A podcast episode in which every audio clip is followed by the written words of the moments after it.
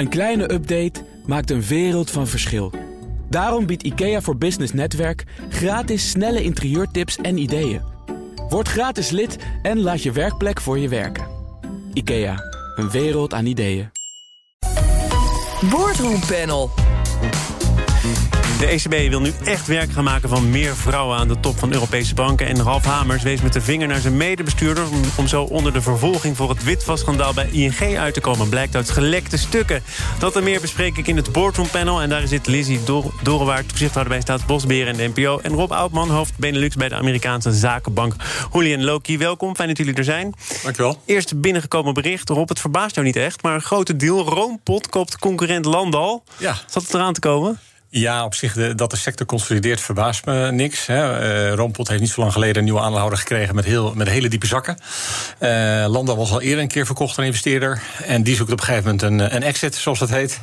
Dus ja, en, en, en beide vullen elkaar enorm aan, hebben heel veel synergieën. Dus uh, die spreadsheets die kloppen waarschijnlijk wel. Je kunt het gewoon uittekenen. Je kunt het uittekenen. Goed, dan gaan we naar iets wat je nog niet kunt uittekenen. Want er is heel veel daadkracht voor nodig. Maar de Europese Centrale Bank wil nu toch echt meer vrouwen aan de top van banken. En uh, daar gaan ze ook werk van maken. Dat bleek uit een opiniestuk van ECB-directielid Frank Elderson... en supervisiedirecteur Elizabeth McGoll in, uh, in het FD. Um, overigens, de ECB komt hier nu mee. Sinds 2019 voor het eerst een voorzitter benoemd, een vrouwelijke voorzitter. Zijn ze zelf ook niet wat laat geweest in diversiteit? Lizzie? Uh, ja, diversiteit is gewoon ontzettend moeilijk. Dus ik ben heel erg blij, ook al is hij misschien laat uh, met deze actie. Die is goed en die is ook echt nodig. Want zonder actieve aandacht verander je het niet. Um, ik moest vandaag wel weer lachen. Um, nou ja, lachen, het is eigenlijk om te huilen. Um, we zijn als, als, vanaf jongs af aan worden wij opgevoed uh, met beelden dat mannen de leiders zijn in de wereld. He, van, in het Financieel Dagblad vandaag zie je een foto van Poetin en dan drie mannen eromheen, he, die in een grote belangrijke kamer zitten. In de NRC stond gisteravond een krant. Uh, het staat Poetin met Biden. Er staan er twee vrouwen als assistenten naast. Dat zijn de beelden die wij dagelijks binnenkrijgen van mannen zijn de leiders in de wereld. En Tenzij je een Duitse krant openslaat. Dan kom je nou ja. die Merkel tegen. Oké, okay, ja, dat, dat klopt. Dus, dus op, een, op één hand zijn ze te tellen de vrouwen die er dan in staan. Dat geeft onbewust, geeft dat ons allemaal, de vrouwen en de mannen.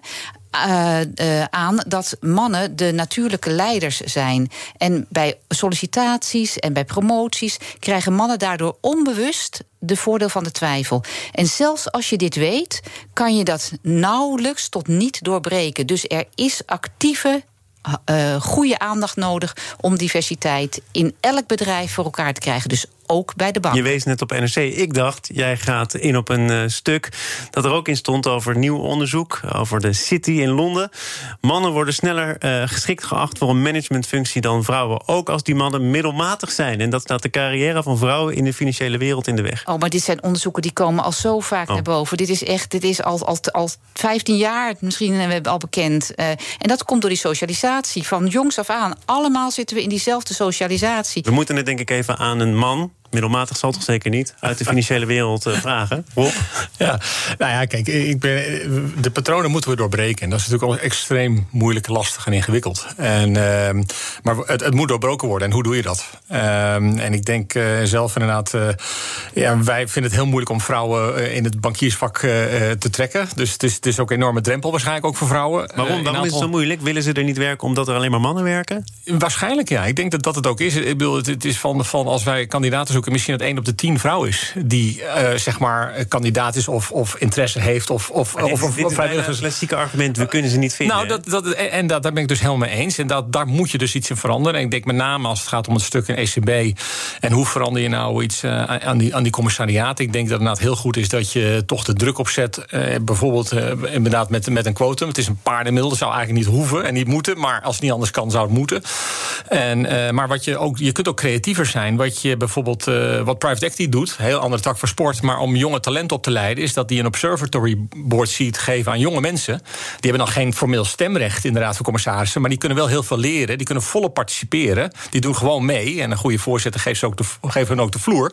Om daarmee die pool van vrouwelijk talent gewoon groter te maken. We moeten ergens beginnen. En die vrouwen moeten het ook in zo'n boardroom meeting leren. Zodat die mannen op een gegeven moment zeggen. Uh, er zijn alleen maar, niet meer kunnen zeggen, er zijn alleen maar mannelijke kandidaten. Maar er zijn ook genoeg vrouwelijke kandidaten. deze twee ECB-directeuren zeggen overigens in dat opiniestuk dat een bank er ook heel veel mee opschiet. Die wordt daar robuuster van, winstgevender van, evenwichtiger van.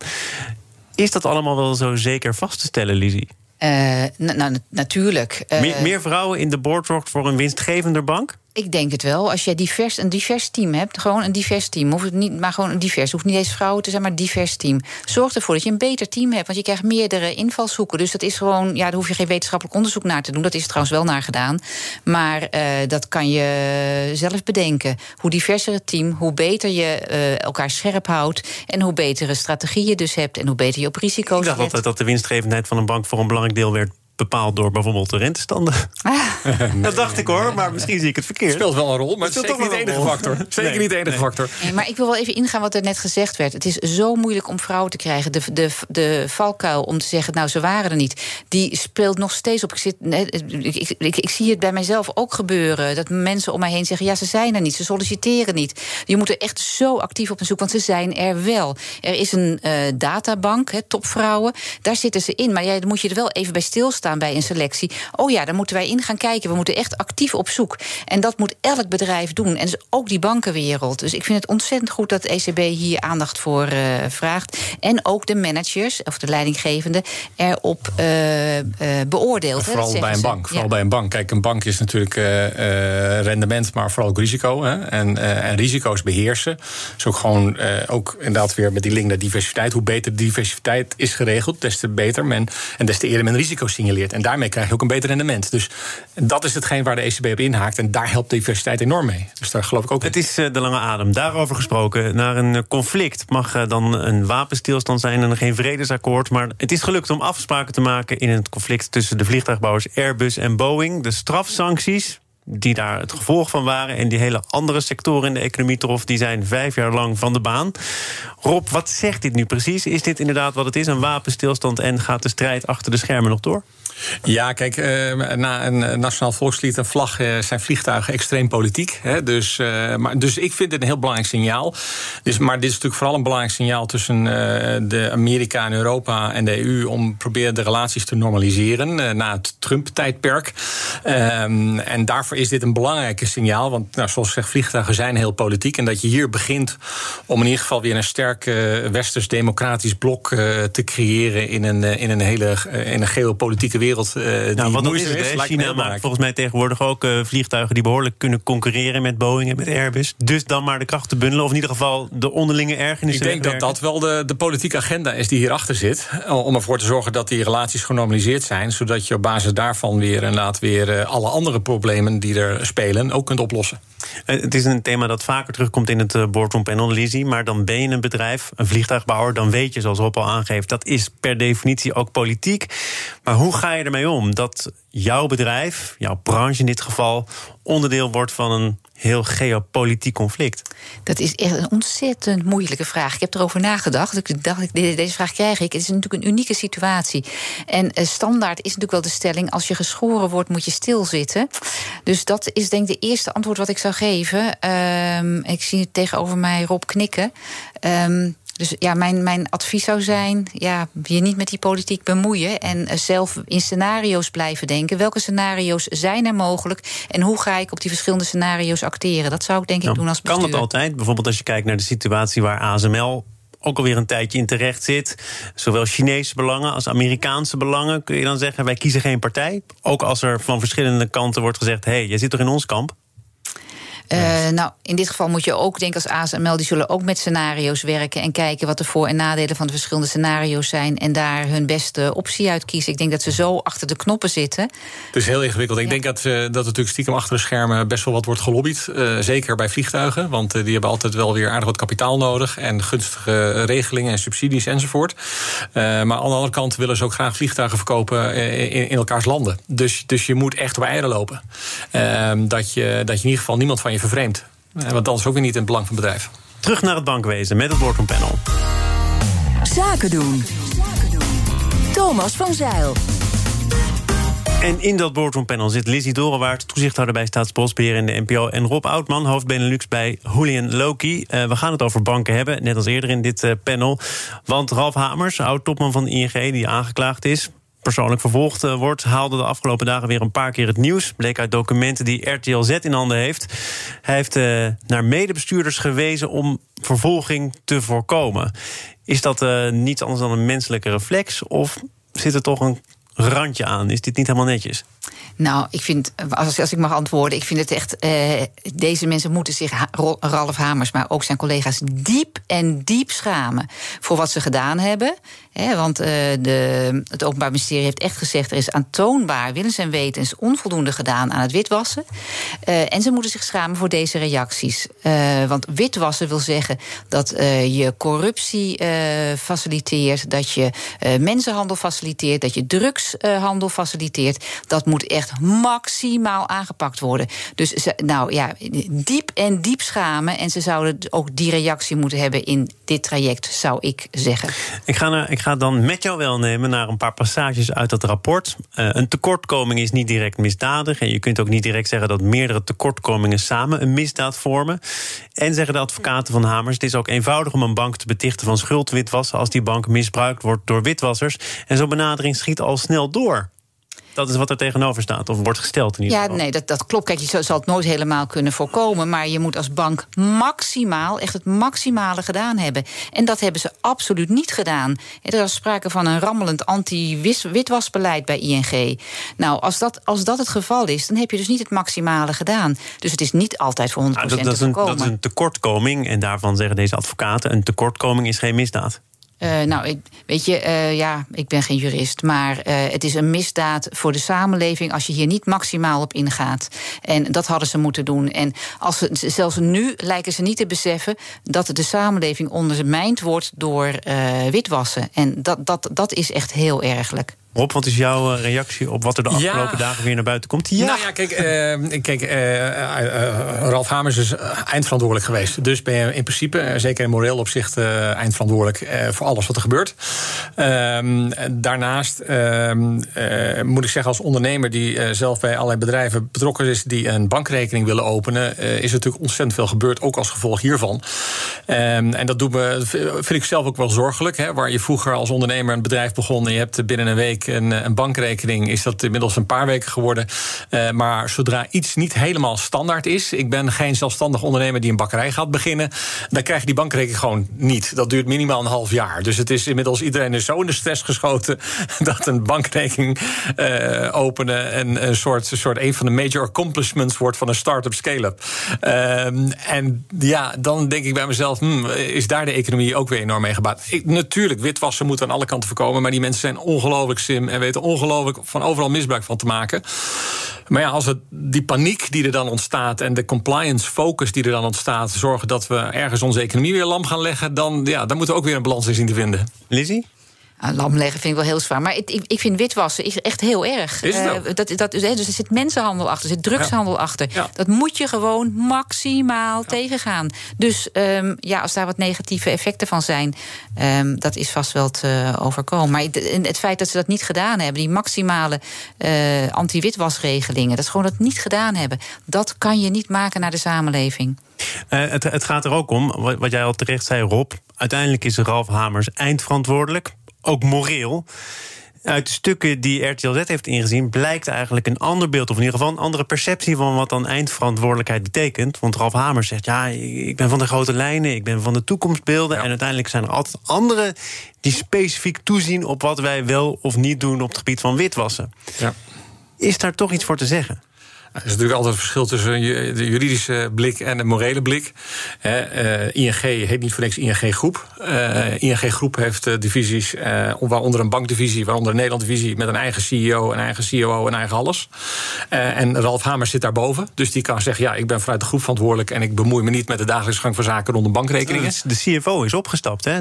Die werd uiteindelijk het kind van de rekeningen, niet Ralf Hamers. Daarom, dus, dus juridisch kan ik me van alles bij deze argumentatie voorstellen. Neem niet weg. Je bent CEO van een groep en je bent uiteindelijk eindverantwoordelijk voor alles wat er gebeurt. Mag je wijzen naar anderen, denk jij, Lizzie? Nou, nee, helemaal niet. In dit geval heeft het Openbaar Ministerie echt gezegd dat er willens en wetens uh, niet voldoende aan witwassing, uh, witwas, anti-witwas gedaan is. Dus willens en wetens, als dat gezegd wordt door het Openbaar Ministerie, jij bent eindverantwoordelijk. Nou, ik vind het echt, uh, nee, nogmaals, diep schamen. Nog twee andere zaken dan, want die spelen ook. Hamers heeft een mooi vervolg aan zijn carrière kunnen geven. Ja. Daarvan zeggen de advocaten, als er nou echt van alles niet had gedeugd. Als die Ralf Hamers de afgelopen jaren er een potje van had gemaakt dan hadden ze bij UBS toch nooit gedacht dat wordt onze nieuwe topman. Uh, nou nee, zo kan je niet redeneren. Want uh, zeg maar, het morele besef over dat je dat witwassen echt niet kan accepteren, dat is gewoon nog niet ingedaald volgens mij. als je je echt realiseert, hier zit mensenhandel achter. Hier zit uh, drugshandel achter. Het vervuilen van onze natuurgebieden met al, de, al dat vuil van die drugshandel. het, nou, het, het, het, nou ja, men, mensen echt vermoorden ook. dat, dat zit allemaal achter dat witwassen. Daar mag je absoluut geen millimeter extra ruimte aan geven dan nodig is. Dus maximaal op inzetten. En dat moreel besef is er volgens mij nog onvoldoende. En toch kun je op twee manieren naar deze zaak kijken. Dat blijkt wel in de praktijk, want dat is een, een pikant detail. Ook nieuws van deze week, eh, naar buiten gekomen via NRC. Een van de officieren die nu werkt aan de vervolging van Hamers, bepleitte eerder als advocaat-generaal namens het OM dat er geen grond was om Hamers persoonlijk te vervolgen. Leg mij dat maar eens uit. Hoe kan dat? Is dat toch niet buitengewoon ongelukkig? Ja, ik, ik, weet ook niet wat de achtergronden daar, uh, daar, daar, precies van zijn. Of ik ken, ken de juridische details niet. Uh, maar inderdaad, wellicht zit het op dat punt wat je zegt van ja, weet je, uh, de, de, de, ze zijn onzorgvuldig geweest. en, maar is dat onzorgvuldigheid daarmee ook strafbaar? Ja. Nou, het, is, het is wel een, um, laten we zeggen, een gedachte-experiment. Dat je in één keer aan de andere kant uh, van de score staat. Hè? Als, als uh, OM, als advocaat-generaal. Eerst bepleit je het een en nu werk je aan het ander. Uh, ja, um, nou, volgens mij is er ook wel een, een, een, een moreel besef gekomen denk, bij, het, uh, bij het OM. In eerste instantie zo'n een, een, een, overeenkomst met het bedrijf sluiten. En nu het besef, ja, misschien moeten we de personen maar meer aanspreken. En dat heeft natuurlijk wel effect, want daardoor hebben we het er nu over. En daardoor gebeurt er misschien iets nu in de samenleving van ja, wat, wat is dat eigenlijk, dat witwassen? Het klinkt heel neutraal, witwassen.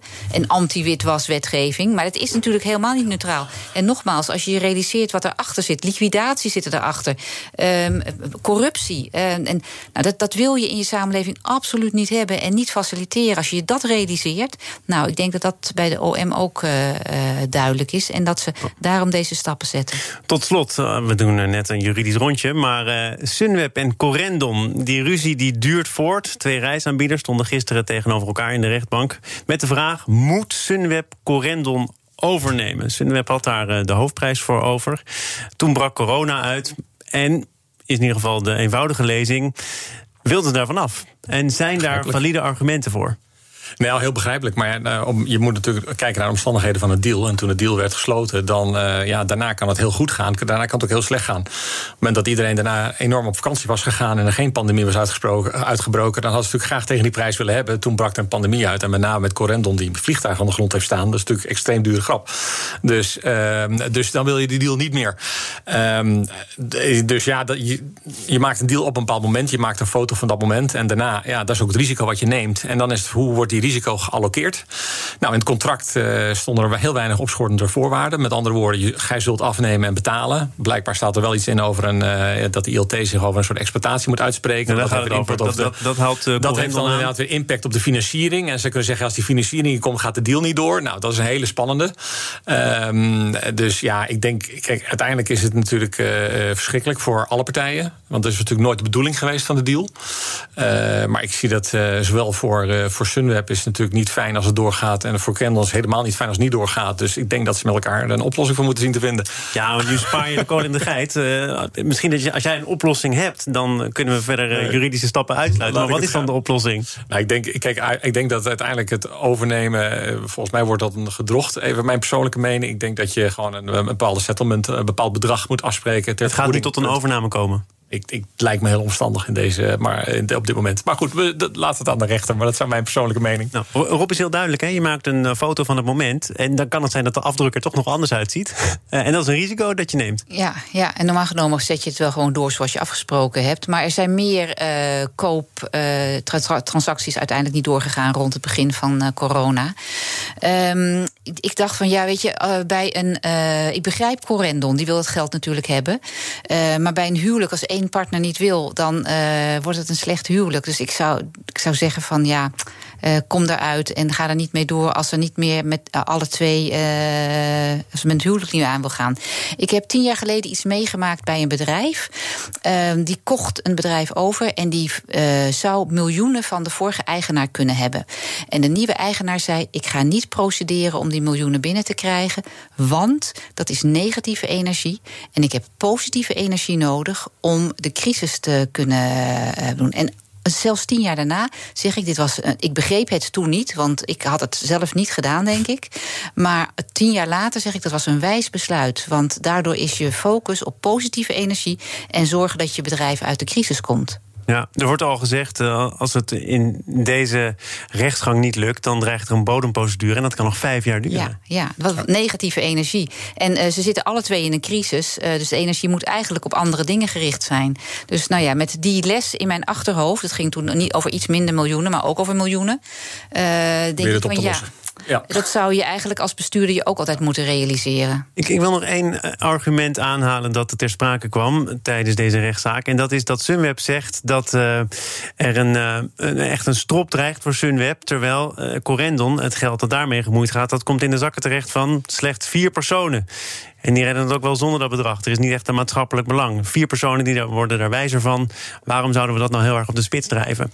Nou ja, dat is ook wat je ziet. Kijk, maar doet het ertoe in wiens portemonnee nou, uiteindelijk kijk, in Nederland, Dat is het mooie van de Nederlandse rechtspraak, denk ik, ten opzichte van Amerika. In Amerika zou dit totaal geen onderwerp van discussie zijn. Dus heb je een contract of geen contract, want een contract staat zwaar en de rest is niet. Maar in Nederland hebben we natuurlijk het beroep op redelijkheid en billijkheid. En dat wordt hier nadrukkelijk uh, gezocht.